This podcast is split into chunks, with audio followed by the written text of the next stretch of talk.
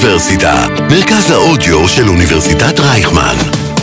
כל האוניברסיטה אודיוורסיטי. הפודקאסט הלא רציונלי. צוללים אל עולם קבלת ההחלטות. אז אני מבין שלאחרונה ככה חיפשת דירות ואפילו שכרת ועברת לדירה חדשה. נכון. אה, אז אה, ככה מעניין אותי לשמוע איזו מין אה, התנסות זאת הייתה בשבילך. כן, האמת שהחוויה הייתה ממש טובה. זה היה כזה הדירה הראשונה שראינו, אני והבת זוג שלי, ופשוט אמרנו, אנחנו הולכים עליה. הגעתי למשא ומתן עם הבעל הבית, ישבתי איתו, ואמרתי לו מה אני רוצה, נתתי את התנאים שלי, הורדתי איתו במחיר, וכזה הרגשתי הצלחה, כי הרגשתי שסגרתי איתו כזה גם מחיר טוב, אה, גם אה, כזה תנאים טובים, שכאילו הכל עבד כמו שצריך, זה היה ממש חוויה טובה, והתחלתי להשוויץ, אתה יודע, לחברים, משפחה, אה, וכזה פתאום לאט לאט הבנתי שאני אני טועה. אה, ושבעצם גם המחיר גבוה ממה שחשבתי, אה, גם לא ממש עשיתי הכנה כמו שצריך כנראה, אה, ובעצם אה, די, אה, די אה, הפסדתי, אה, ודי עשיתי פשוט טעויות גדולות מההתחלה. אז היום אני ככה מקווה שתוכל לעזור לי, ואולי גם לכל אלה שקצת פחות טובים עם משא ומתן, או די בטוחים שהם מצאו את הדירה שלהם, אה, להבין איך להיות יותר, יותר טוב, יותר טובים אה, לפעם הבאה. אז על המיקרופון אה, יונתן אקשטיין, אז אני רוצה להגיד תודה לאיתי גולן, לאור אבן חיים ולאניטה זורצ'ינסקי, שבזכותם הדבר הזה קורה היום. אבל לפני זה רגע, בוא נציג אותך. אז אה, אה, דוקטור רן אה, שדח הוא פסיכולוג קליני, מדריך ומרצה בכיר בחוג לפסיכולוגיה במכללה האקדמית של תל אביב-יפו. הוא עמית מחקר וראש דסק פסיכולוגיה וטרור במכון למדיניות נגד טרור בהרצליה. המנהל המקצועי של מכון רעות לפסיכותרפיה. חוקר מצבי לחץ וחרדה ופסיכולוגיה של ארגוני טרור, ופרסם מאמרים בכל התחומים האלו. בעל ניסיון עשיר ואדיר בליווי תהליכי משא ומתן. בוא נספר איזה פאנ פקטס קטן עליך. אה, לך יש אה, סיפור טוב לספר לנו. ב- גידלתי ורכבתי על סוסים המון המון שנים בקיבוץ. מהמם. אילפתי וגידלתי ורכבתי. בפעם הראשונה שהגעתי לשלב שאני רוכב בלי עוקף, זה אתגר מאוד גדול. אוקיי. ולא העזתי, עליתי על הסוס, היה סוס אה, מרוץ כזה חזק, הסוס הכי מהיר שלנו, וחבר שלי, שהיה ותיק ממני, אמר לי, בוא, תעלה, שב, תרגיש איך זה. זה רק, יושבים על הסוס, ורק יש את המושכות. אין עוקף, אין ארכובות, אין כלום. התיישבתי עליו, וחיכיתי שהוא יתחיל להדריך אותי. הוא נתן לו פליק בטוסיק, נתן לו ידר! הסוס פרץ בדהרה, וזה היה על השביל המקיף של הקיבוץ, ופשוט הקיף את הקיבוץ בדהרה, וכשחזרתי על הגב של הסוס, מאז אני... מאז ידעתי לרכב בלי. זה היה... למה, זה היה למידה אבל? זה ככה זה הייתה? למידה, ככה למדתי לרכב בלי עוקף. זה פשוט היה... אני זוכר את זה עד היום. זה היה הלמידה הכי מהירה שהייתה לי בחיים. איזה סיפור מעולה, פשוט מעולה. אבל ככה ממש לפני שנתחיל את כל השאלות והכל, אה, בואו נתחיל באיזה משחק אה, שובר קרח קטן אה, ונחמד. עובדה אמת ועובדה שקר עליך. טוב, נגיד קודם את האמת, סתם, סתם. אוקיי, עובדה אחת, הציעו לי בתור צ'ופר בצבא קורס צניחה. ועליתי למטוס, וברגע האחרון לא העזתי לקפוץ. אוקיי. אה, עובדה השנייה, אה, אני מופיע לא בשמי, כדמות בספר שכתבה סופרת אה, ישראלית, ואני, אירוע מסוים שהשתתפתי בו, היווה השראה לדמות שמופיעה בספר. זה שמעתי ממנה אחר כך, זו לא המצאה שלי, זאת אומרת. אוקיי, אה, יש לי תחושה שאני יודע מה הדבר הנכון. אה, עד עכשיו אני גם לא רע עם הניחושים האלה, אבל כמובן, גם אני וגם הצופים נחכה לסוף, המאזינים נחכה לסוף הפרק. אה, אז ככה בואו נפסיק עם המשחקים ובואו ישר ניגש לעניין וישר נתחיל את השאלות. אני לא ממש מרוצה בעצם מה, מההסכם שסגרתי, על הדירה, על השכר דירה. האם באמת כולם כאילו מרגישים ככה, אחרי המשא ומתן? ואם כן, אז למה הם מרגישים ככה? אם לא, אז איך אפשר להרגיש טוב אחרי משא ומתן באופן כללי? טוב, זאת אה, שאלה שהיא קשורה לפסיכולוגיה אוניברסלית. אה, חשוב לומר שאפשר באופן מאוד מאוד גס לחלק את הפסיכולוגיה, את הפסיכולוגיות לש- לשני תחומים. תחום אחד זה מה שעוסקת בו הפסיכולוגיה החברתית, וזה בעצם מה שהם מחפשים זה את המכנה המשותף בין כל בני האדם, אה, בעצם התנהגויות שהן משותפות. התחום השני זה הפסיכולוגיה של הפרט, של האינדיבידואל, זה מה שאולי נדבר יותר מאוחר, ושם אנחנו מחפשים את הפרטיקולרי לכל אדם, את מה שמיוחד לכל נושא ונותן, ומנסים בעצם לתפור חליפה מתאימה לכל אדם, כי כל אדם הוא גם שונה. אז השאלה שלה, שאתה שאלת, למיטב הבנתי, היא קשורה לתחום של הפסיכולוגיה החברתית. זאת אומרת, אנחנו מדברים על, על, על תחושות של דיסוננס שנפתחות אה, ברגע שקיבלנו החלטה. עכשיו, אה, אה, יש נטייה אוניברסלית, היא לא, לא 100% מהאנשים ירגישו אותה, אבל הרבה מאוד אנשים ירגישו אותה, mm-hmm. שברגע שאני קיבלתי את מה שרציתי, סגרתי לצורך העניין את המשא ומתן עם בעל הדירה, באותו רגע אני כבר לא עסוק וכבר לא חרד מאפשרות שמישהו אחר ייקח לי את הדירה. Okay. אוקיי. כל עוד פחדתי שיש עוד שני סטודנטים שראיתי אותם יוצאים ואחד מחכה להיכנס אחריי, כן, כן. להתווכח איתו ולהציע לו עוד עשרה שקל ואז הוא ייתן לו, אז אני, אה, המוח שלי באופן טבעי, זה מנגנון למעשה הישרדותי, אבולוציוני, הוא, הוא, הוא מכחיש או מצמצם את החשיבות של המחירים שאני משלם, כי אני עסוק בלהשיג את המטרה. אוקיי? כאילו אתה מתייחס בעצם, אתה אומר, הנקודת ייחוס שלי זה בעצם ל... ל... לסובבים אותי? כלומר, זה המחשבה שלי, בזה אני מתרכז, שאני עושה את המשא ומתן החברתי הזה? זה, זה נכון, אבל זה, זה, זה נכון גם, אבל הנקודה שלי היא טיפה שונה. אה, אני יודע שמתחרים איתי על הדירה, אוקיי? אוקיי. או לחילופין, אף אחד לא מתחרה אותי על הדירה, אבל אני מאוד מאוד רוצה אותה מסיבות א', ב' וג'. אז כל עוד לא קיבלתי אותה, כל עוד לא סגרתי את החוזה, הנפש האנושית היא, היא משימתית, היא, המוח שלי מתמקד בהשגת המטרה. יצאתי לצוד, אני עכשיו בתקופה הניאנדרטלית, יצאתי mm-hmm. לצוד, כל עוד לא צדתי את הממותה, אני, אני עסוק בלצוד את הממותה. המשמעויות של הסיכונים שאני לוקח, ושל הריבים שיהיו לי אחרי זה עם השבט מהמערה השכנה, כרגע הם, הם בשוליים. או אפילו אם אני משתף פעולה עם עוד משפחה ממערה אחרת, כרגע אנחנו עסוקים בלצוד את הממותה. אחרי שצדנו אותה, okay. אוקיי. אנחנו מת... מצב החירום, המצב הפוקוס נסתיים, עכשיו מתחילים לריב מי יקבל איזה חלק. תדמיין שזה אותו דבר קורה לנו היום, המוח שלנו לא השתנה מתקופת ההומו ספיאנס הראשון, או ההומו ספיאנס ספיאנס, יש כזה תת. לא השתנה המוח האנושי, זה טרגדיה למעשה, כן? כי, כי הטכנולוגיה והחברה השתנו בצורה דרמטית, והמוח נשאר אותו דבר. אה, עכשיו אומרים לי שבעקבות ה-Waze והיוטיוב והטיק טוק, אז המוח מתחיל להתנוון, יכול להיות, אני, כן. יש מחקרים, יכול להיות שיגלו את זה עוד מעט, אבל בגדול המוח נשאר אותו דבר. ולכן אנחנו עדיין הולכים לצוד ממוטה, אוקיי? כשאנחנו הולכים לחפש דירה.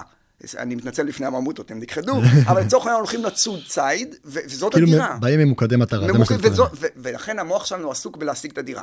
once השגנו אותה, משהו שם משתנה, שוב, אני לא נוירו-פסיכולוג, אז אני לא יודע להגיד מה משתנה, אבל אוקיי. משהו שם משתנה, ומבחינה פסיכולוגית, עכשיו הקשב מופנה עכשיו, מה שנקרא damage control. מה, עכשיו, השגתי אותה, mm-hmm. עכשיו אני בעצם מתפנה אה, לספוג, לספוג את הנזקים. ואז אני מתחיל להגיד, אוי, אבל אם רק הייתי אה, יותר קשוח, יכול להיות שהייתי יכול להוריד את, ה, את המחיר בעוד אלף שקל או חמש מאות שקל לחודש. אם רק הייתי יותר קשוח, הוא בעצם לא היה לו מישהו אחר. אה, כן, הוא היה תלוי בי והייתי יכול להשיג עוד שיפור בחוזה, בערבות. אה, אבל את כל החוכמות האלה, כשהייתי עסוק בלהשיג את הדירה, אני לא העזתי לדחוף את, ה, את בעל הבית אל הקיר, כי אני פחדתי שבשלב מסוים הוא יגיד לי, טוב, עזוב, לא רוצה, נכון? Mm-hmm. עכשיו אני נהיה, בחוכמה לאחר המעשה, אני מרגיש הרבה... וזה המנגנון. אמ, יש אנשים שמסתפקים במעט. אז אותם אנשים שבעצם המסתפקים האלה, אז הם המוח שלהם עובד בצורה אחרת, או שפשוט כמו לכל אה, כלל יש יוצא מן הכלל. נכון, אז קודם כל באופן כללי, מחקרים בפסיכולוגיה חברתית מראים לנו באופן מאוד מאוד עקבי, ולא ניכנס כרגע לתחומי הדעת השונים, אבל שבערך בין 60 ל-70 אחוז מהאנשים יגיבו אותו דבר, אבל בין 40 ל-30 יגיבו בצורה יותר אינדפנדנטית, יותר עצמאית. יש לזה גם mm-hmm. מקבילות, קוראים לזה אנשים שהם אה, ממוקדי אה, אה, מיקוד שליטה פנימי ומיקוד שליטה חיצונית, תלויי שדה ולא תלויי שדה, יש לזה הרבה, הרבה מחקרים. אוקיי. וזה, והכל זה בעצם אותו דבר. איזה שמות שונים לאותו דבר, שמבחינה okay. אוקיי. פסיכולוגית מה שזה אומר שהאדם הזה הוא, הוא יותר אה, נשען על המנגנוני evaluation, מנגנוני הערכה בעין הפנימיים שלו. ולכן אדם כזה, אותם 30 אחוז נקרא לזה, שהם יותר אינדיבידואליים, הם פחות קונפורמיסטים, גם, mm-hmm. גם הקוגניציה שלהם יותר עצמאית, וגם הפסיכולוגיה הרגשית שלהם יותר עצמאית, זה בדרך כלל הולך ביחד, כן? אוקיי. ואז הם טיפוסים נון קונפורמיסטים, או יותר עצמאיים, והם יתנהלו לפי התסריט שאתה אמרת. אז הם גם יהיו פחות מושפעים מלחץ חברתי, הם גם פחות יסתכלו מה יש לשכן מימיני ואיזה ג'יפ יש לשכן אה, משמאלי. הם יגידו, אם אני רוצה אה, ניסן מיקרא, מיקרא, אז יהיה לי, והם יהיו מרוצים מזה, כי הם נשענים על איזשהו חוט שדרה פסיכולוגי.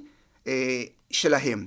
הם פחות יסבלו מההטיות האלה, או פחות יפגינו את ההטיות האלה, mm-hmm. יהיה להם יותר קל לסגור את הדיסוננס, כי הדיסוננס נוצר ברגע ש, שהמציאות אה, אה, מציבה לי תמונה מסוימת, ו- ואני מתחיל, קראת לזה בדיעבד, אני אקרא לזה נכון. חוכמת הבדיעבד, אני, ההטייה בדיעבד, אני, אני מניח שאולי קשור, חוכמת הבדיעבד, אז אני בעצם אומר, רגע, עכשיו בעצם יש לי פער, ואז אני צריך להתחיל למצוא לעצמי תירוצים, רגע, אבל בעצם אם הייתי מתעקש, הוא היה, הוא היה הורס את החוזה, הוא לא היה סוגר איתי, וככה אני סוגר את הדיסוננס מחדש. אבל אני עסוק בזה.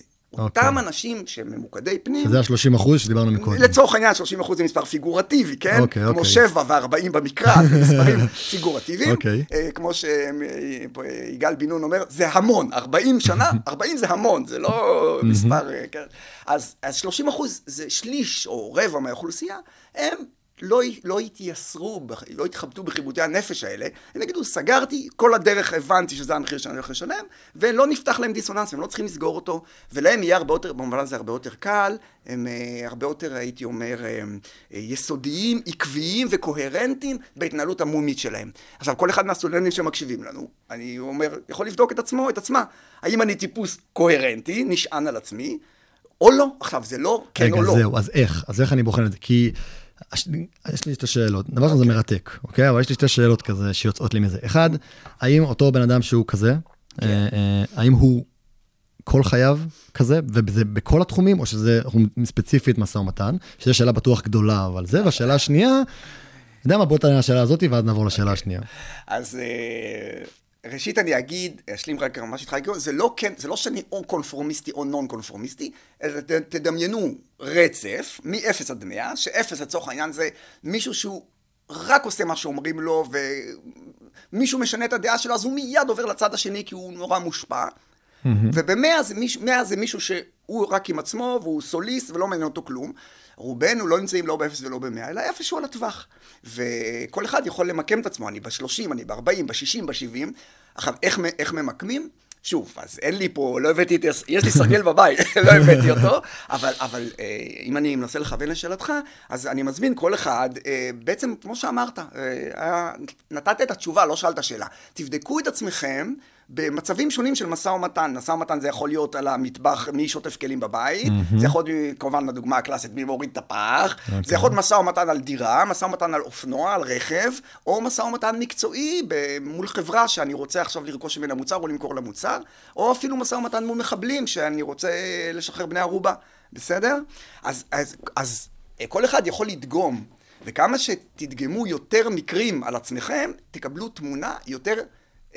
ואליד, אה, יותר אה, אה, מהימנה ותקפה של איפה אתם ממוקמים על הרצף. עכשיו, השאלה, השאלה שלך היא עוד יותר טובה אפילו, כי אתה אומר, האם יכול להיות, אתה שואל, האם יכול להיות שאני במשא ומתן על דירה, אני אהיה ארנולד שוורצנגר, בדיוק, The Terminator, אבל במשא ומתן על מי שוטף כלים, אני לא יודע, אני אפס, אני נכנע ואני, כן... כן, במסרגל אתה הכי ימין. בדיוק. אוקיי. אז, אז שוב, אני לא חקרתי את זה, ואני לא יודע להגיד, יכול להיות שיש אנשים שחקרו וממש יכולים להגיד, הניחוש שלי שיש מתאם. אוקיי. Okay. כן, יש מתאם, אבל מתאם זה לא אומר אחד לאחד. Mm-hmm.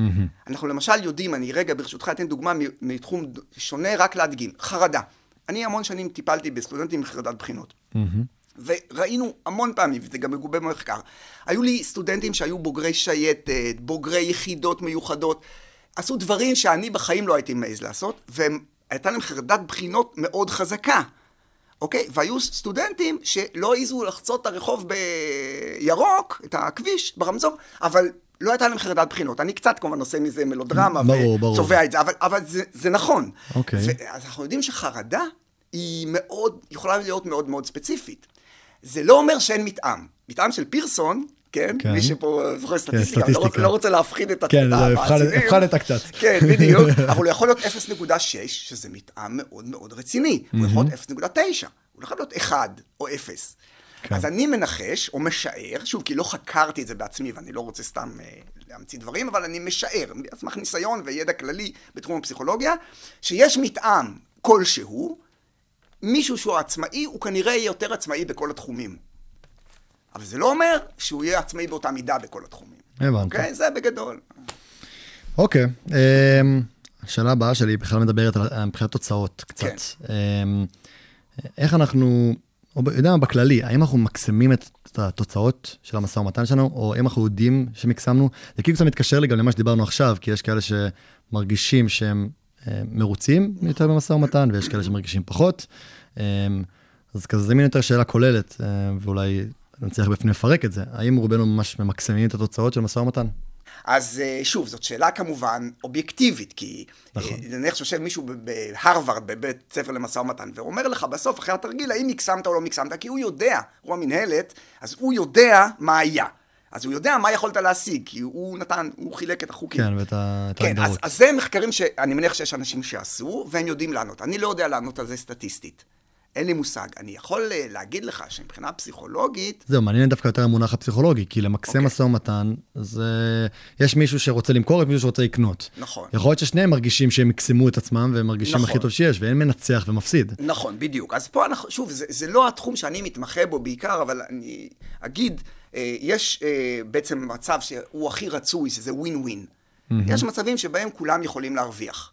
Okay. אוקיי. ואז בעצם שני הצדדים ממקסמים. ממקסמים זה לא אומר 100%, אבל זה משיגים יותר ממה שהיה להם, נגיד את זה ככה. Okay. אוקיי. כן? מצבם אחרי המום יותר טוב מלפני המום, אני קורא לזה מקסום.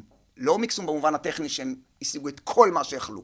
אוקיי. Okay. יותר ממה שהיה להם לפני זה, בעיניי הצלחה. יש כמובן הקלאסיקה, זה שתיים על שתיים, ווין לוז, אחד מרוויח, השני מפסיד. Mm-hmm. יש לוז ששניהם מפסידים, בסוף המשא ומתן יש להם פחות ממה שהיה להם בהתחלה, ויש ווין לוז הפוך, שקודם זה הרוויח עכשיו.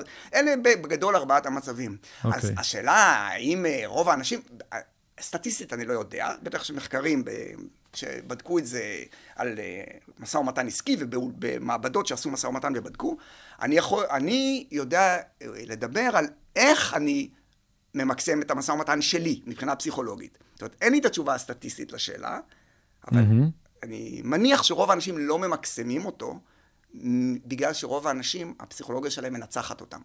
אוקיי, אז בוא תסביר מה זה אומר. אוקיי. אה, הפסיכולוגיה שאני מתעסק בה, היא פסיכ... מה שנקרא בז'רגון פסיכולוגיית המעמקים. אוקיי. מה זה פסיכולוגיית המעמקים? זה שונה מהפסיכולוגיה הקוגניטיבית שקודם דיברנו עליה. Mm-hmm. פסיכולוגיה הקוגניטיבית הבסיס שלה זה קוגיט או ארגו סום של דקארט, אני חושב משמע אני קיים, זאת אומרת האדם הוא רציונלי, יש לו חשיבה, לוגית, הוא בא למשא ומתן, אני הולך לסופר, סיפור אה, כן אותנטי, אני הולך עם רשימה, יש מיי uh, גרוסריז, רשימה באפליקציה כזאת, אני הולך, ומה שרשום אני קונה, מה שלא רשום, אני בסוף גם קונה, אבל אני, אני משתדל לא לקנות, כי אני אה, רציונלי, אבל אני יודע שתמיד okay. אוקיי. יהיה פיתוי לקנות עוד ועוד ועוד, אוקיי? ההטיות הקוגנטיביות, שאתה הזכרת קודם למשל, הטעת בדיעבד, ויש עוד הטיות נכון, רבות ומגוונות, אז אה, שטברסטי קהלמן חקרו ובדקו, ואחריהם דן אריאלי. דיברנו על זה גם בפרק המבוא וגם בפודקאסטים האחרים. מעולה, אז זה כמובן לא התחום שלי, אז אני רק מזכיר את זה כרפרנס פוינט. ההטיות הקוגנטיביות, הקוגנטיביסט יגיד, זה כשלים בקוגניציה, כן? אוקיי. אני אומר, לא. זה, זה נכון שזה כשלים בקוגניציה, אבל זאת הקליפה, זאת שכבה עליונה. זה האפידרמיס, או השכבה העליונה של האור. אם אתה רוצה להבין למה יש כשלים בקוגניציה, אני בתור איש שמאמין בפסיכולוגיה פסיכודינמית, mm-hmm. כן, שבבסיס, בבסיס, בבסיס, אני אומר, פרויד צדק, okay. אוקיי. בבסיס, היו הרבה דברים שהוא זיהה לא נכון, ואחרי זה עדכנו, אבל בבסיס הוא צדק. במה הוא צדק? בתגלית הכי, הכי גדולה שלו, שיש לא מודע. אוקיי. Okay. איך מתרגמים את הרעיון הלא מודע? למשא ומתן. צריך להבין את זה, וזאת הבנה קשה מאוד, היא קשה, מכיוון שהלא מודע עצמו מסרב לקבל אותה, כי זה חושף אותו. זהו, אז זה, זה, זה בדיוק כאילו, זה, זה בדיוק זה, זה בדיוק העניין הזה של השילוב בין כלכלה התנהגותית לבין המשא ומתן. המקום הזה, הלא מודע, החשיבה הרציונלית, ההרגשה שאתה כאילו אומר, טוב, אני, אוקיי, אני עושה חשיבה רציונלית, אני, אני מסתכל על השוק, שוק הדירות, אני מסתכל כמה עולה דירה, אני אומר, טוב, זה כמה זה עולה, אז רציונלי זה אמור לעלות ככה, למרות ש... אתה מונע מהרבה דברים שהם, שהם יושבים, יש מקום אחר. זוהי אשליה. המחשבה שזה רציונלי היא אשליה. Mm-hmm. זה שאני אומר שהיא אשליה, זה לא אומר שהיא שגויה. אני לא אומר שהיא שגויה. אפשר למדוד אותה, ואם יש בינה מלאכותית, אני מניח שהיא תתקף חלק גדול מהמודלים הקוגניטיביים. אוקיי. כן, אולי אפילו בנו אותם בעזרת מחשבים וסימולציות. אז זה לא שהיא לא נכונה, אבל אנחנו, אני, הטענה שלי, בתור נציג, לצורך העניין, כן, נציג כן. פסיכולוגיית המעמקים, אומרת ככה, קודם כל, אה, הלא מודע מנהל בערך 70-80 אחוז מתהליך קבלת ההחלטות שלנו. וזאת האמת הקשה לעיכול שכל הקוגניטיביסטים, אני אומר את זה בחיבה, אה, קשה להם לקבל אותה. כן, קשה המחקרים- לקבל את זה. קשה לקבל את זה, כי... כי ואם נחשוב על זה רגע, גם ההטיות הקוגנטיביות, שוב, אני לא אומר שזה ככה, אבל אני אומר, בואו רגע נסתכל על זה ככה, לצורך הדיון, זה אה, התרצה, אפולוגטיקה, זה תיר... לא אפולוגטיקה, זה תירוץ, זה הסבר, זה רד הרינג. במקום להגיד, חבר'ה, תקשיבו, פרויד צדק, יש לא מודע, והקוגניציה שלנו היא, היא כיסוי דק, כמו הציוויליזציה, כיסוי דק מעל התוקפנות האנושית, אז הם אומרים, לא, לא, לא, הקוגניציה נכונה, אבל יש לה הטיות.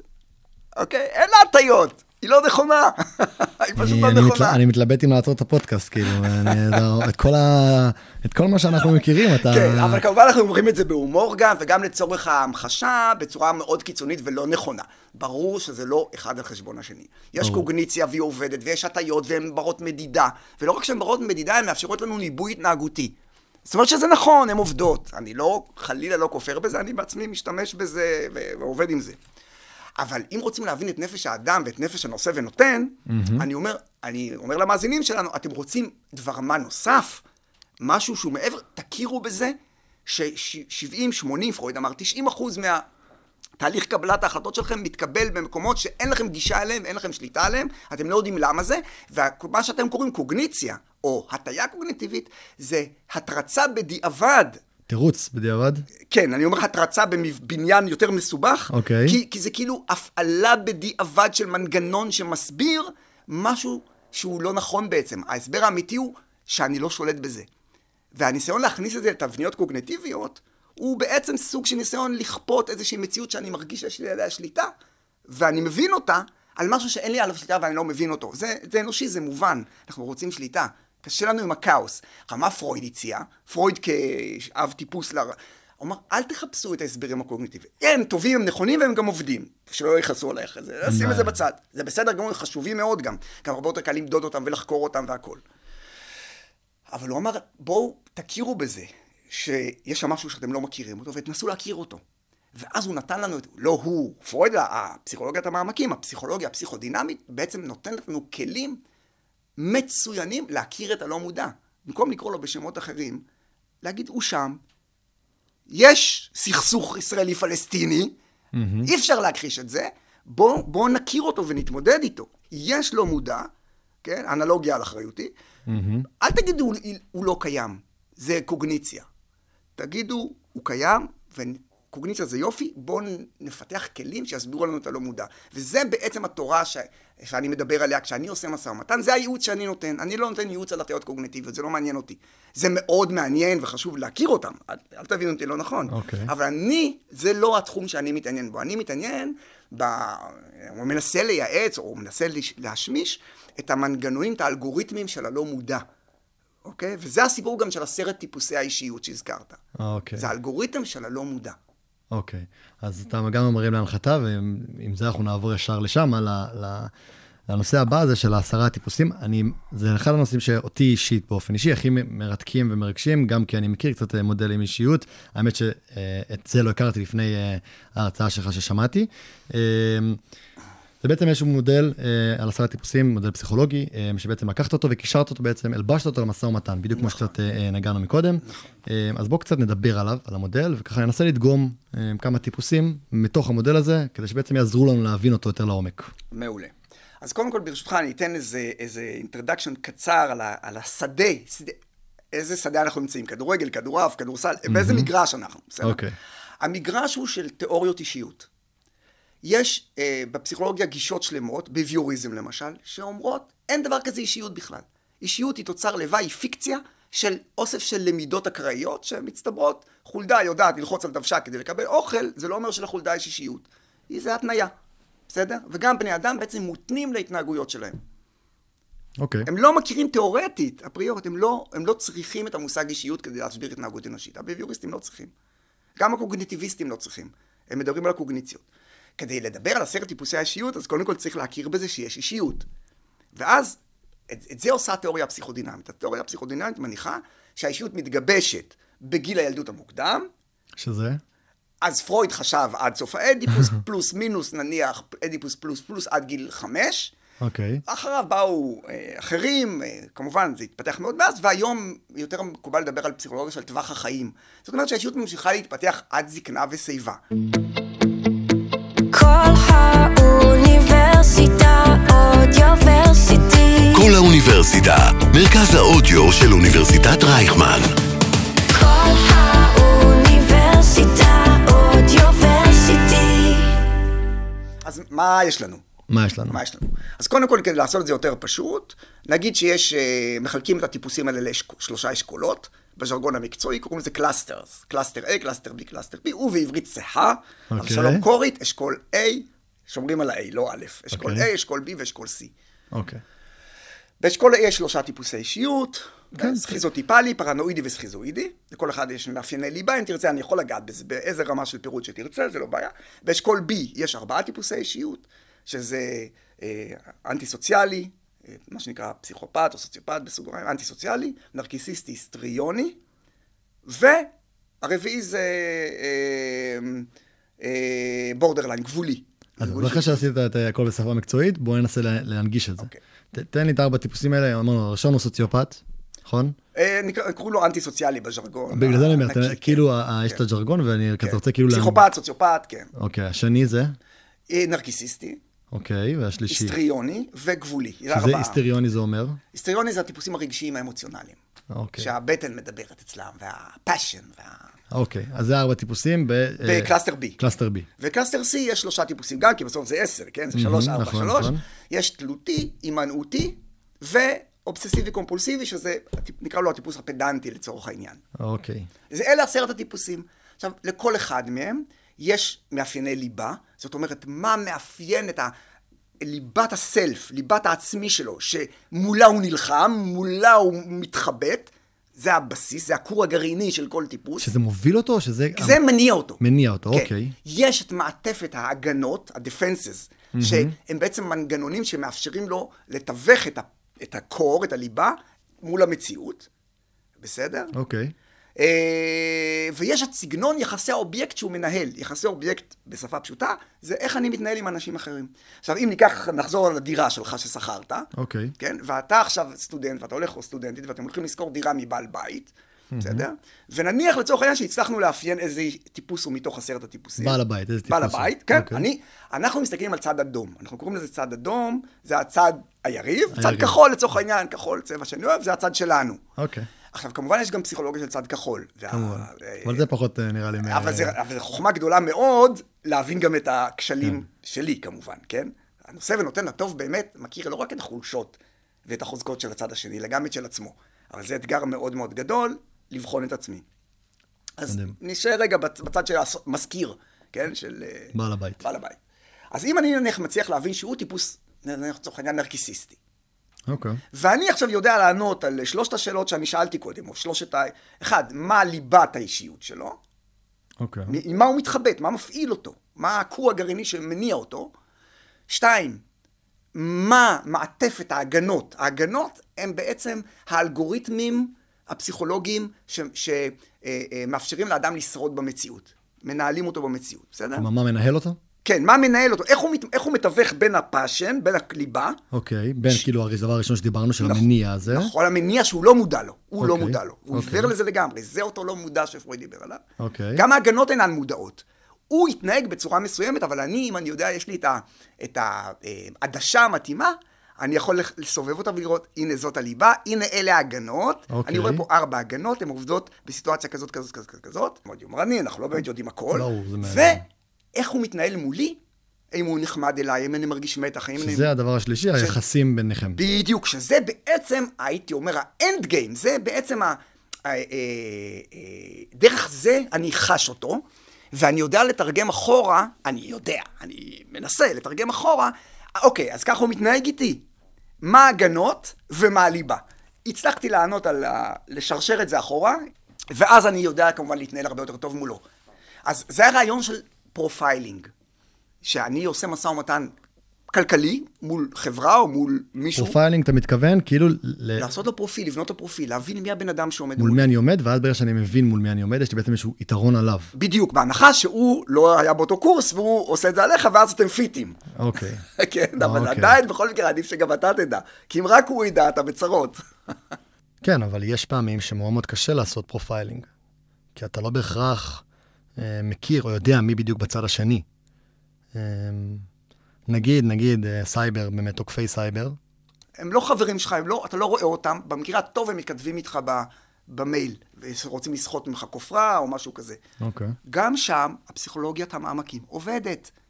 עובדת. אני אישית יכול להגיד, שוב, אין לנו קבוצת ביקורת. יכול להיות שאם היינו מתנהגים איתם אחרת, הם היו, היינו מגיעים לאותה תוצאה. אני לא מאמין. אוקיי. אני מאמין בזה, זה עובד, וזה נכון, וחשוב להכיר בזה, וזה לא סותר את התובנות הקוגניטיביות שדיברנו עליהן בהתחלה. זה עוד רובד. עוד רובד. אמ, יש לנו אמ, הרבה מאזינים, מאזינות, אמ, שיש להם אה, דעתנים. יש גם כאלה שיגידו לה שקצת עקשנים. אמ, ברור שאני אחד מהם. ככה ברגע שכאילו אני מחליט, הם מחליטים, אפשר להאשים אותם, זה הרבה יותר כיף, כי זה זה. אה, על משהו, אה, אז ממש קשה להזיז. קשה להזיז ימינה שמאלה. כן, כן, כן, התנגדויות, אה, כן. והרבה פעמים כל עובדה או משהו שכאילו אומרים להם, זה פתאום נהפך להיות לא רלוונטי, דבר שמחזק את הטענה שלהם. אנחנו רואים את זה הרבה פוליטיקה, לא ניכנס לפוליטיקה, אבל... אה, פתאום, כאילו הדברים הפחות, זה לא נהפכים ללא רלוונטיים, הדברים שתומכים בדעה שלי נהפכים לרלוונטיים. נכון. אה, למה בעצם זה קורה לנו? טוב, אז שוב, אתה, אתה מעלה אותנו חזרה, וזה בסדר גמור, טיפה לתווך הקוגניטיבי. שוב, ממה שאני יודע, ואני אומר את זה בהסתייגות אה, מקצועית אתית, זה הטיית האישוש, כן? מהמם, נכון מאוד. אה, אז שוב, מבחינה קוגניטיבית אנחנו, יש אנשים שיסבירו את זה טוב ממני, אה, אה, אנחנו יודעים שאנשים נוטים אה, אה, לחפש ולמצוא אה, אה, סימנים שמאששים את הדעה שלהם, ולהתעלם מסימנים שלא מאששים את הדעה שלהם, ואנחנו ממש רואים איך מבחינה קוגניטיבית ותפיסתית, אנשים לא רואים עובדות שלא תומכות בדעה שלהם, אוקיי? אוקיי. ולא רואים. זה תחום שהוא מחקרי, קוגניטיבי, תפיסתי, הוא קיים, הוא אוניברסלי, דיברנו קודם על הפסיכולוגיה החברתית, האוניברסלית, זה נכון לגבי רוב בני אדם ברוב המצבים. מעולה. עכשיו, אבל אם אני יושב מול בן אדם, מול אותו אה, בעל דירה, כן, חבר שלנו, שאנחנו כבר מנסים לסגור את כן, החוזה כבר לסגור שעה, כבר שעה, כן, לגמרי. והוא מתעקש, הוא מתעקש, אז זה לא יעזור לי להגיד, זה יעזור לי, יש לו הטיית אישוש, בסדר, אבל בתור פסיכולוג מעמקים, או פסיכולוג שמחפש את השונה בין כל אדם לאדם, זה לא מעניין אותי כרגע שיש עוד אלף כמוהו, אותי מעניין למה הוא מתעקש, בשביל זה אני צריך להכיר אותו. אני צריך לאבחן איזה טיפוס הוא, מתוך העשרה, ובאיזה רמה הוא מתוך ארבע הרמות של הבשלות הפסיכולוגית. אם יש לי מסגר, אני אומר, נניח, הוא טיפוס אובססיבי קומפולסיבי, הטיפוס הפדנטי, בסדר? אוקיי, והוא ברמת ארגון גבולית גבוהה, זאת אומרת, הרמה השנייה מלמעלה, אוקיי. בסדר? אז יהיה לי הרבה יותר קל להסביר למה הוא מתעקש לא לראות את העובדות, כי אני יודע מה מניע אותו. מה שמניע אותו זה צורך בשליטה. אוקיי, הבנתי. לעומת זה, אם הטיפוס הפסיכופתי יושב מולי, והוא עושה אותו דבר, אותה התנהגות, אותו מצב, אותו לא מניע הצורך בשליטה במצב, אותו מניע הצורך בשליטה עליי. אז אותה התנהגות, שני טיפוסים שונים, תובנה שונה לגמרי, ואני אנהל את התגובה שלי בצורה שונה לגמרי. אוקיי, והכל, ושוב, אנחנו חוזרים לזה, הכל בעצם מונע מהמקום, כאילו הכל, אנחנו כ- כמנהלי המשא ומתן, אנחנו בעצם, ברגע שאנחנו מאבחנים את זה, אנחנו יודעים לתת תגובה לכל טיפוס באופן אחר, בהנחה ואנחנו מצליחים לאבחן אותו, בהנחה ואנחנו מצליחים לשלוט במשא נכון, ומתן, יש לנו סיכוי יותר טוב לתת תגובה שהיא מותאמת לבן אדם שעומד מולי. ה challenge זה, אם אני מצליח להבין, זה להבין את הליבה של אותו בן אדם, את ההגנות, ואיך זה משתקף ביחסים איתי. ה response יהיה יותר מותאם. זה לא אומר שהמשא ומתן יצליח, אבל זה כן אומר שהסיכוי שלי להצליח כמובן עולה. זה לא מערכת הרמטית שאם עשיתי נכון, הצלחתי. יש עוד המון שיקולים שהם לא קשורים לפסיכולוגיה, הם קשורים לאינטרסים שלו, האובייקטיביים, ולאילוצים ממשיים, ולטכניקות המשא ומתן שלי שאולי לא היו טובות. הפסיכולוגיה יכולה לתת לי את הדברמה הנוסף, בעיקר ברגעים שזה נתקע. שיש אה, מבוי סתום. ואז אני פותח את המפתח, מסובב את המפתח למרתף, באנלוגיה של פרויד המרתף זה הלא מודע, ואז אני מוצא במרתף כל מיני דברים שיכולים לעזור לי להניע מחדש את הלא מודע. למשל, אם הוא נפגע ממני כי הוא נרקיסיסט, mm-hmm. אני יכול לעשות משהו כדי לרפא את הפגיעה. המשא ומתן יחזור, לפ... כאילו הוא לא יבין שזה מה שקרה. אוקיי. Okay. אבל פתאום הוא ירגיש שיותר קל לו להתפשר איתי. וזה בזכות פעולה שאנחנו עושים, כי ניתחנו, ב... הבנו, ו... זה, זה האידיאל, כמובן, להגיד לך שתמיד מצליח, ומאה אחוז, מה פתאום, רחוק מזה. אבל זה יותר טוב מכלום. טוב, אז בואו נדבר רגע על uh, יישום בפועל כן. של uh, שלושת השלבים ליצירת פרופיל במשא ומתן. קודם כל, צריך לאסוף מידע. איך אוספים מידע? בגדול, פסיכולוג, אני פסיכולוג, וכל אחד מאיתנו הוא פסיכולוג קטן כשהוא עושה את הדבר הזה. הוא לרגע נהיה פסיכולוג, בסדר? לא mm-hmm. קטן, אלא לרגע פסיכולוג. אה, אז יש לי מה שנקרא מעטפת אה, רחוקה, זה דברים שאנשים אחרים סיפרו לי על האובייקט. או שראיתי שכתבו על האובייקט. אני יכול באינטרנט, ב OSINT, מה שנקרא, במידע גלוי. אני מסתכל, יש אה, איש עסקים כזה וכזה, רוצים שאני אייעץ במשא ומתן איתו, או ועד עובדים כזה וכזה, אני קורא. מידע מגוף, מגוף שלישי. זה מידע שהוא מאוד נפוץ, בעיקר בעולם העסקי, הכלכלי, לא בעל הבית שמוכר דירה, אבל אם יש למשל אה, בעל נכס ש, שיש לו דירות להשכרה, אתה כבר תמצא עליו בטח כל מיני דברים ועסקאות שהוא עשה, אתה אוסף מידע. ואתה, okay. וכפסיכולוג אתה מתרגם, אתה אמור לדעת לתרגם את דפוסי ההתנהגות לאותם אחד מעשרת הטיפוסים, לאחד מאותם עשרת הטיפוסים, ולבנות את הפרופיל באיזה רמת בשלות וכן הלאה וכן הלאה. שזה כאילו השלב הראשון. זה השלב הראשון של איסוף המון מידע. אני למשל מסתכל על סרטי וידאו, אומרים לי, בואו, אנחנו רוצים לעשות משא ומתן עם אה, הנהלה כזאת וכזאת. או עם אה, יו"ר כזה וכזה. אז אני מסתכל באינטרנט, יש אה, אנשים מתראיינים, יש סרטי וידאו, כתבות לעיתונים. אני קורא, ואני קורא את זה בעיניים של פסיכולוג, זאת אומרת, אני שואל את עצמי, איך אני מתרגם את זה, למה זה מתאים, אני עושה תהליך של התאמה ואדפטציה, עד שבסוף מסתדר לי איזה טיפוס יותר מתאים פה, בסדר? אוקיי, זה השלב הראשון בעצם של איסוף מידע כדי לא, זה, זה, הכל, זה, זה המעגל אה, זה... החיצוני. אוקיי, הכללי. אנחנו עדיין בשלב הראשון, זה המעגל החיצוני. יש מצבים שבהם אני יכול לדבר עם הבן אדם. Mm-hmm. למשל, בטיפול פסיכולוגי, כן? או אם אתה מדבר עם בעל הדירה, okay. אתה אוקיי. מתרשם ממנו, הוא מספר לך דברים על עצמו.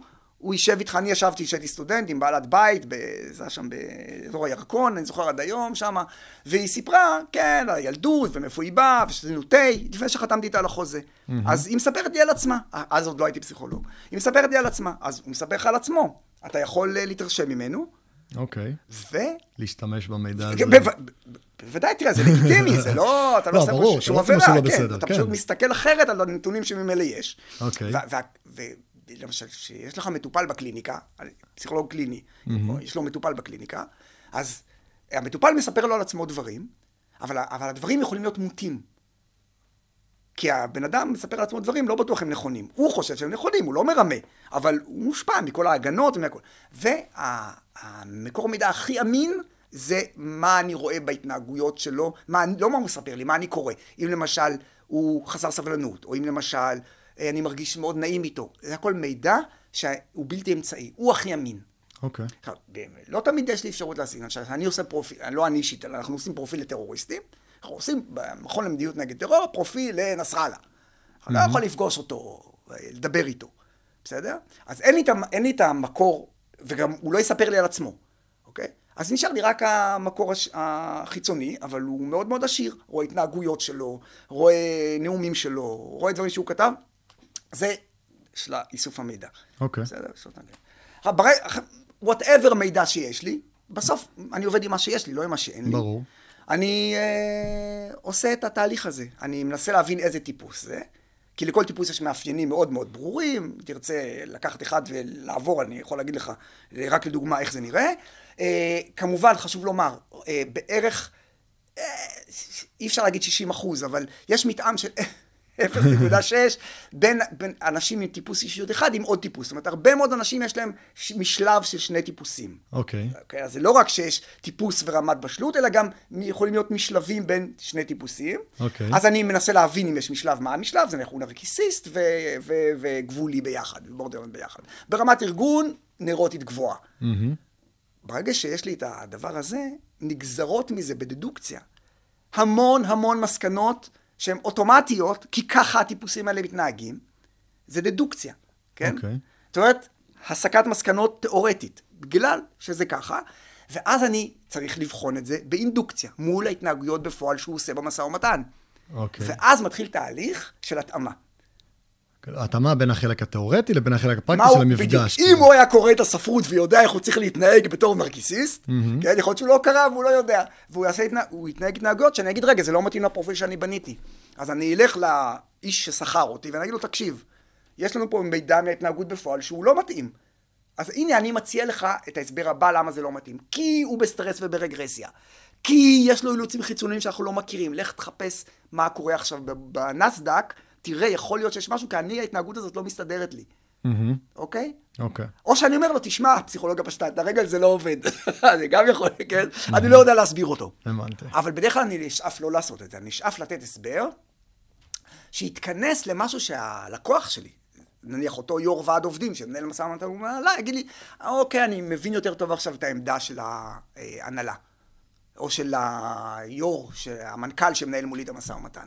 זה האתגר. אז זה תהליך אינסופי, וכמה שהמשא ומתן נמשך יותר, אני כל הזמן עושה את ההתאמה, התאמה, וצריך להיות פה מאוד מאוד הגונים, ולהיות מוכנים להגיד, פה טעיתי, פה לא ראיתי, פה אני מציע הסבר יותר מדויק, יותר מתאים, בוא תראה אם זה עובד. בוא תראה אם זה עובד, זה לא מדע מדויק. זה חשוב להגיד. אוקיי, אה, אנחנו לקראת הסוף. אה, אנחנו מגיעים עכשיו לחלק הפרקטי, אה, שהחלק הזה הוא ממש כזה יותר אה, ממוקד, מהיר. אוקיי. אה, אנחנו בעצם, עד עכשיו נעשה סיכומון קטן, אנחנו דיברנו קצת על משא ומתן, דיברנו קצת על, על, על המודל עשר הטיפוסים, דיברנו קצת על קבלת החלטות באופן כללי וגם תחת לחץ, דיברנו על ראיית מנהרה. אה, וככה עכשיו, מה שנקרא, הגיע הזמן ממש לדבר על הפרקטיקה, פרקטיקה. אז פרקטיקה, השאלה הראשונה הכי אה, קלאסית זה אה, טיפים אה, למשא ומתן, איך אני עושה משא ומתן יותר נכון. נגעת פה בהרבה הרבה דברים שהם כבר פרקטית, אבל כזה, אם אפשר, מה שנקרא בנקודות, איך היית עושה את זה, טיפים קטנים, כן, מהזווית. הפסיכו... מהזווית הפסיכולוגית. מהזווית הפסיכולוגית חד משמעית, כן. כן, אז אני אציג, אני אציג את המתודה, כמובן שמי שיכול לעשות אותה בעצמו שיעשה, ומי שלא יכול או לא רוצה או שיש לו משאבים כלכליים, יכול לקחת יועץ, לא אותי חלילה, אבל לקחת מישהו שמתעסק בזה ו- וידע לתת לו את ה... את ה, את ה כן, כמו שלוקחים יועץ לכלכלה, אפשר יועץ לפסיכולוגיה. זה, ברור. במשא ומתן זה, זה בסדר גמור, זה לגיטימי וזה חשוב. אז המתודה היא שאני הולך, אני קורא לזה אנשי מפתח בצד השני, אוקיי? אוקיי, זאת אומרת, אני, קודם כל, אני הולך לעשות משא ומתן, אם זה למכור את הקטנוע שלי, אם זה לשכור דירה, או אם זה משא ומתן לקבלת עבודה. מי, אני צריך לזהות, זה הטיפ, לא הטיפ, זה, ה, זה השלב הראשון בפרוטוקול. מי איש המפתח, או אנשי המפתח בצד השני, או נשות המפתח. אישת המפתח, מי זה? אשת מי זאת? המפתח, אז, אשת אם, אז, המפתח. אז אני, זה אני צריך להגדיר. זה המודיעין, המודיעין העסקי שלי. זאת אומרת, אם אני עכשיו יו"ר ועד עובדים שמנהל מול הנהלה, אני צריך להבין מי האיש החזק בהנהלה. הוא איש המפתח שלי. אם אני מנכ"ל שמנהל משא ומתן עם ועד עובדים, אני צריך להבין מי שם, זה יו"ר ועד העובדים הוא החזק, או שדווקא היועץ שלו הוא זה שבעצם, אני צריך לזהות. אם אני לא אצליח, אני בבעיה. אוקיי, איש המפתח זה האיש שבעצם מקבל את ההחלטות. בדיוק, שמולו אני צריך לנהל את המשא ומתן בפועל. ולפעמים יש שניים כאלה, אבל בדרך כלל זה אחד או קבוצה מצומצמת. וה- והיו פעמים שעשינו פרופילים לארבעה אנשי קבוצה, או חמישה. אוקיי, לכולם. אז, אז זה השלב הראשון, נכון. זה לזהות את איש, איש אשת אנשי המפתח בצד השני. אנשי המפתח. זה גם חוסך אנרגיה ובזבוז זמן אחר כך. once זיהיתי אותם, אני צריך לעשות את האיסוף של המידע. כמובן, הכל חייב להיות חוקי וכשר, וזה אה, אמצעים גלויים. אה, אני מדבר על משא ומתן עסקי כמובן, לא שום דבר שקשור בביטחון לאומי או צבא או כזה. אה, יש באינטרנט מלא חומרים, סרטי וידאו היום, אה, ויקיפדיה, אה, אתה, צריך לקרוא. עכשיו, כדי לקרוא את זה ולדעת מה אני מחפש, אני צריך להכיר את הסרט, להחזיק בראש את הטיפוסים, סרט הטיפוסים. Mm-hmm. אני בא עם ספרייה בראש, או על דף. סרט הטיפוסים, המאפייני ליבה שלהם, אתה ראית חלק מהם במצגת אפילו, זה לא בעיה, נכון. זה חומר גלוי, אפשר למצוא אותו אפילו באינטרנט. מה מאפייני הליבה של כל טיפוס, אוקיי. ואני זוכר שיש ארבע רמות של בשלות פסיכולוגית, בסדר? אהה. אז אני גם צריך, וגם שיש אה, הרבה אנשים שיש להם משלב של שני טיפוסים. גם וגם. אז בעצם יש לי לא אין סוף, לא אין סוף אה, משבצות, זה קטגוריזציה פשטנית שעוזרת לי להתחיל. כלומר, אתה, כלומר, השלב השני של באיסוף המידע, אנחנו כאילו מנסים ל, לשער מה הבן אדם. בדיוק, בסוג, בתהליך של דדוקציה, אני, אני מציב לי, נניח, יש איזה 60 אפשרויות, משהו כזה, עשרה טיפוסים, לכל אחד, נניח, שתי הרמות הגבוהות, ואפשרות של משלב, לא יודע מה, כמה, סטטיסטיקאים יגידו לך, לא אין סוף אפשרויות. אוקיי. ואני מתחיל אה, לבדוק, ואני אומר, אוקיי, זה אני שולל, זה, זה לא הטיפוס הזה, זה לא הטיפוס הזה, זה נשארים לי שלושה אולי טיפוסים, שאולי זה שילוב ביניהם, אני נשאר איתם, ממקד את החיפוש שלי. אוקיי. בסדר? עכשיו אני אוסף את החומר, ואני מגיע ל...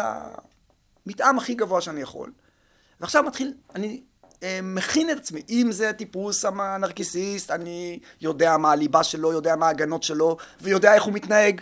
אז אני חושב לעצמי מה לעשות במצב הזה, במצב הזה, ואולי גם אני כזה טיפוס. כלומר, שלב שלוש זה בעצם הכנת דרכי פעולה בהתאם לטיפוס. יפה. בהתאם לפרדיגמה או לדפוס שאני יודע שכנראה הוא יתנהג בו, אם הוא קרא את הספרות, כן? כן, אה? ברור. הוא אמור להתנהג בו, כן? עכשיו אני בא לפגוש אותו. או שזה אני הפסיכולוג, למשל כשעשינו משא ומתן עם אה, האקרים שתקפו חברות, אז אני ישבתי בחדר המשא ומתן ואמרתי אונליין מה אני מבין, אבל יכול להיות שאתה לקחת אותי בתור פסיכולוג, אתה תלך למשא ומתן, תחזור למה שנקרא ל back office, תגיד לי, תשמע, ערן, אה, אמרנו ככה וככה, הוא הגיב ככה, ואנחנו ביחד נעשה, מתחילים את ההתאמה, ומתחילים לעדכן את הפרופיל. אוקיי. אוקיי? כשכדי לעדכן את הפרופיל יש לנו המון המון כלי עזר, רק אחד מהם זה הסטרס והרגרסיה, יש עוד המון. אוקיי. יש למשל כלי שנקרא העברה, transference, שזה אומר? שזה אומר שהוא מגיב אליי רגשית בצורה שמאפיינת תגובות רגשיות שלו לדמויות משמעותיות מעברו. אם אני מזהה את זה, בום. כלומר, אני דומה לאבא שלו? כן. היה לנו, אני אספר אספר לכם סיפור אמיתי, היה, ש- אוקיי, היה. לנו לפני הרבה שנים, אה, היה אירוע, הוא התפרסם גם מאוד בתקשורת, והיה עליו הרבה מאוד אה, רעש, בלאגן, של אה, אה, אה, מישהו ש...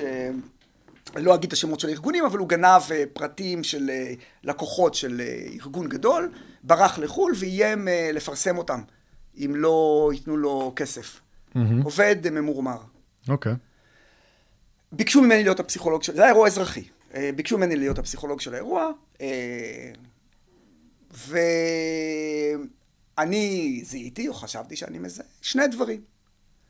אחד, קשור לאישיות שלו, לפרופיל, שהוא אדם מוסרי בעיני עצמו. זה חשוב להבין. אדם מוסרי בעיני עצמו לא עשה פשע. הוא פעל מתוך אילוץ. אוקיי. ואם היינו אומרים לו, תשמע, אתה עבריין, היינו מאבדים אותו. אוקיי. אני לא ארחיב, אבל ניהלנו את המשא ומתן איתו בהתכתבות, בהתאם לזה שהוא אדם הגון, וזה היה כל כך חזק ומדהים, שאני בהתחלה סירבתי להאמין שהפסיכולוגיה עובדת, ואמרתי לבוס שלי שהוא היה, אמרתי לו, תקשיב, יכול להיות שהוא עובד עלינו. זה יותר מדי, הוא אמר לא, הוא לא עובד עלינו. למה אני מתכוון? הוא רצה לערב את המשטרה והפרקליטות, כי הוא היה בטוח שהם יהיו בטובתו כאילו? כן, כי הם יבינו את העוול שנעשה לו. וואו, אוקיי. עד כדי כך. זה לעניין האופי. אוקיי. לעניין הטרנספרנס, העברה, אנחנו זיהינו שיש לו אה, צורך, בד... אני זיהיתי, אני אומר את זה לא בהשווצה, אלא כתיאור עובדתי, כי אני הייתי פסיכולוג, מישהו אחר היה עושה את זה במקומי, כנראה אותו דבר. אה, הוא צורך מאוד חזק בדמות אם. אוקיי. דמות אם. וכל המשא ומתן התנהל בין אישה אימהית לבינו, וזה עבד כל כך יפה, שלדעתי הוא היה בסוף אה, מסגיר את עצמו, פשוט תפסו אותו, אבל uh, הוא לא שחרר את החומר, והוא uh, עשה הכל כדי לרצות אותנו, ו, וזה היה בגלל הטרנספרנס, שהוא היה צריך אימא שתגיד לו, אני מבינה, אני מבינה מה קורה לך. אוקיי? אוקיי, טרנספרנס. אז האנקדוטה הזאת, כאילו בעצם, אני מחזיר אותנו לשלבים. כן. השלב, עכשיו דיברנו על השלב הראשון, שזה יהיו אנשי המפתח, השלב השני, איסוף המידע, נכון. השלב השלישי, הכנת דרכי פעולה. נכון. בעצם השלב הרביעי זה התאמה. התאמה. כלומר, אינדוקציה ודדוקציה. Bottom up, top down. Bottom up, top down. שזה בעצם אומר מהסתכלות מלמעלה למטה, או מלמטה... ומלמטה למעלה? כל הזמן, והתאמה מההתנהגויות בשטח, כשהכלים שיש לנו, נתן, נתנו שניים לדוגמה, אחד זה אם למשל יש סטרס ורגרסיה, זה עוזר לי להבין למה הוא לא מתנהג לפי הפרופיל, ואם למשל יש transference, זה עוזר לי להבין יותר טוב איך להתאים את ההתנהגות שלי, אוקיי? ויש עוד הרבה כאלה כלים פסיכולוגיים שעוזרים לי להיות יותר ויותר מדויק איך לפגוש אותו, מה להציע לו. אה, אני אתן לך עוד דוגמה, שוב, אתה יכול להוציא את זה אחרי זה בערכה, עשינו משא ומתן מול חברת האקרים אה, שתקפו ארגון ודרשו מיליוני דולרים, אה, עניין מאוד מאוד רציני, אמיתי, ובדקנו את החברה הזאת וראינו שהם אה, מצהירים על עצמם שהם לא תוקפים בתי חולים ומלכ"רים. אוקיי. נאחזנו בזה, ואמרנו, זה לא מקרה שהם פרסמו את זה. הם האקרים, פושעים, כן, עבריינים, עם אתיקה. אוקיי. והשתמשנו באתיקה שלהם ויצרנו איתם קשר אה, על בסיס לא של עבריינים מול חברה מותקפת, אלא של שני גופים עם אתיקה שרוצים להגיע להסכם ג'נטלמני שמכבד את האתיקה של שניהם. וזה עבד, בסוף המשא ומתן הם הסכימו לרדת ביותר מ-50% מהמחיר, מישהו יגיד לי הם היו יורדים בכל מקרה, אולי, אני לא יודע, אבל אני יודע שהכימיה איתם הייתה כל כך טובה שבשלב מסוים הם כתבו לנו, זה מופיע במיילים, כתבו לנו, "אה, אנחנו מאוד נהנים לנהל איתכם את המשא ומתן. אמרנו להם גם אנחנו. הדברים האלה עובדים, וזו קבוצה. של עבריינים, כן, שלא עבריינים. סופרים, כנראה שהם איפשהו ברוסיה או באיזה מקום, ולא סופרים אף אחד, ובכל זאת יצרנו איתם קשר טוב. איזה קטע. כן. וחיכינו למיילים, הם אמרו, מצטערים שאיחרנו, ככה, חזרנו לכתוב, היה מאוחר. כן, לא נראה לי שככה מישהו מדמיין משא ומתן עם הקרן. בדיוק, בדיוק. וכשכתבנו ניתוח של המשא ומתן הזה לחברה, ציינו את זה, שזה היה מאוד מעניין לראות כמה המרכיב האנושי, עכשיו זה לא תמיד יעבוד ולא עם כולם, אני לא. רוצה לייצר פה אשליה כאילו שזה קסם, אבל אם אתה מזהה את האיש המפתח בצורה נכונה, אתה יכול, יכול שבסוף הוא אה, יעשה את מה שהוא רצה לעשות ויקח ממך את ה... אבל לפחות נהנה בדרך. לגמרי, לגמרי, לגמרי, לגמרי. ובדרך כלל זה גם יוריד את המחיר. בדרך כלל זה גם, תהיה לזה תמורה כלכלית טובה לי. כי זה משתלם, כי אנשים מגיבים אחרת לאנשים שהם מסתדרים איתם. אז זה, אז זה, זה השלב השני. ההתאמה, התאמה, התאמה אינסופית, ולהבין שבסוף כל הסיפור המפואר הזה, הוא אולי עשרה, חמישה עשר אחוז, ואם אני לא יודע טכניקות מום, או אני לא איש מום טוב, או לא הכנתי את עצמי טוב ברמה המודעת, הקוגנטיבית, זה לא יעזור. זה יכול להיות דבר מה נוסף, בעיקר ברגעי משבר, ברגעי תקיעות, או מראש, אה, כמו שאמרתי, לייצר אווירה יותר נוחה ויותר נעימה, אז גם הדברים הקשים הם פחות קשים כשיש קשר טוב עם איש המפתח בצד השני. טוב, אז דיברנו היום על לבדוק את עצמך, איך אתה עושה משא ומתן בכל מיני מצבים שונים בחיים, נכון, ולנסות לפרפל את עצמך, זאת אומרת, מה, איך אני, כן. להבין, את- להבין את עצמך. בדיוק. אה, רובנו לא חושבים בצורה רציונלית, אה, זה גם איזה מסקנה שהגענו אליה היום. אה, אה, רק ברשותך, ברור, לא רק בצורה רציונלית. לא רק כן, בצורה או אפילו רציונלית. בעיקר לא, אבל, בעיקר לא. אבל גם. אה, אם אני יודע אה, מה הליבה, מה אה, מפעיל, נכון. אה, מה ההגנה ומה היחסים, נכון. אה, זה נותן לי כוח ויתרון במשא ומתן. נכון. כשאנחנו לחוצים, אנחנו חוזרים למקורות שלנו ולמה שבעצם מפעיל אותנו, ובעיקר לטיפוס שאנחנו. נכון. ונהיים יותר נוקשים באותם דפוסים, נהיים יותר נוקשים ויותר מוגבלים.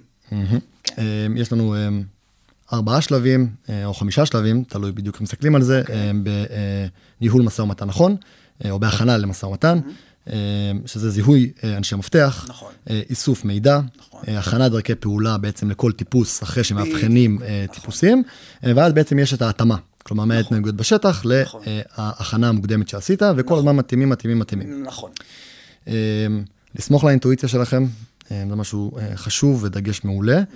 אה, ודבר אחרון, כשאתם מגיעים למשא ומתן, תיכנסו לנעליים של מי שעומד מולכם, תגלו אמפתיה, אה, זה יעזור לכם מאוד אה, בניהול משא ומתן ולהבין מה עובר אצלו ומה הדבר הנכון אולי להגיד ולעשות. נכון. אה, לפני שאנחנו נסיים, כמובן, צריך את התשובה לשובר קרח, אה, שיש פה איזה מתח גם שלי וגם של הקהל. כן. אבל לפני זה כמובן אני אנחש אה, קודם כל מה התשובה הנכונה. הגיע הרגע הגדול, אה, התשובה לשובר קרח. אה, אני אתחיל ואנחש. אז נחזור, האופציה הראשונה הייתה בעצם אה, קורס צניחה, והאופציה השנייה הייתה בעצם אה, דמות בספר שאתה, אה, מבוס- שמבוססת עליך. כאילו הסיפור השני יש בו יותר פרטים, וגם הוא נשמע לי כאילו יותר מתאים, מצד אחד. מצד שני, אני אלך על הסיפור הראשון, על הקורס צניחה. אני אלך על הקורס צניחה. אוקיי, להגיד בתשובה. זה הזמן להגיד את אז התשובה. קודם כל זה, הייתי קצת תרמומי, כי הקורס צניחה, ההתחלה היא נכונה. אוקיי. עד הקטע שבעצם לא העזתי בכלל לקחת את הקורס ולא עליתי למטוס בכלל. אה, בכלל. אז הרגש, האמת הייתה בהתחלה, זה אוקיי. בסדר גמור. אוקיי, אוקיי. הסיפור השני הוא סיפור נכון. איי, אה, איי, איי, אני לא מבין שטעיתי.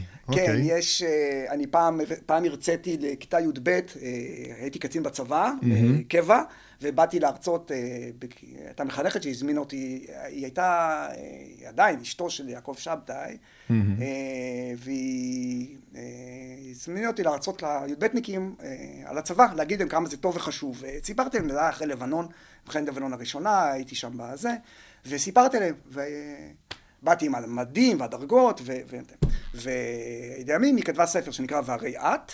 נדמה לי, שוב, זה היה לפני המון שנים, והתקשרה להגיד לי, תשמע, הדמות של הקצין ששם מדבר, זה רעיון קיבלתי ממך, כאילו, אה, מהדמות, מההופעה שלך. מול הכיתה.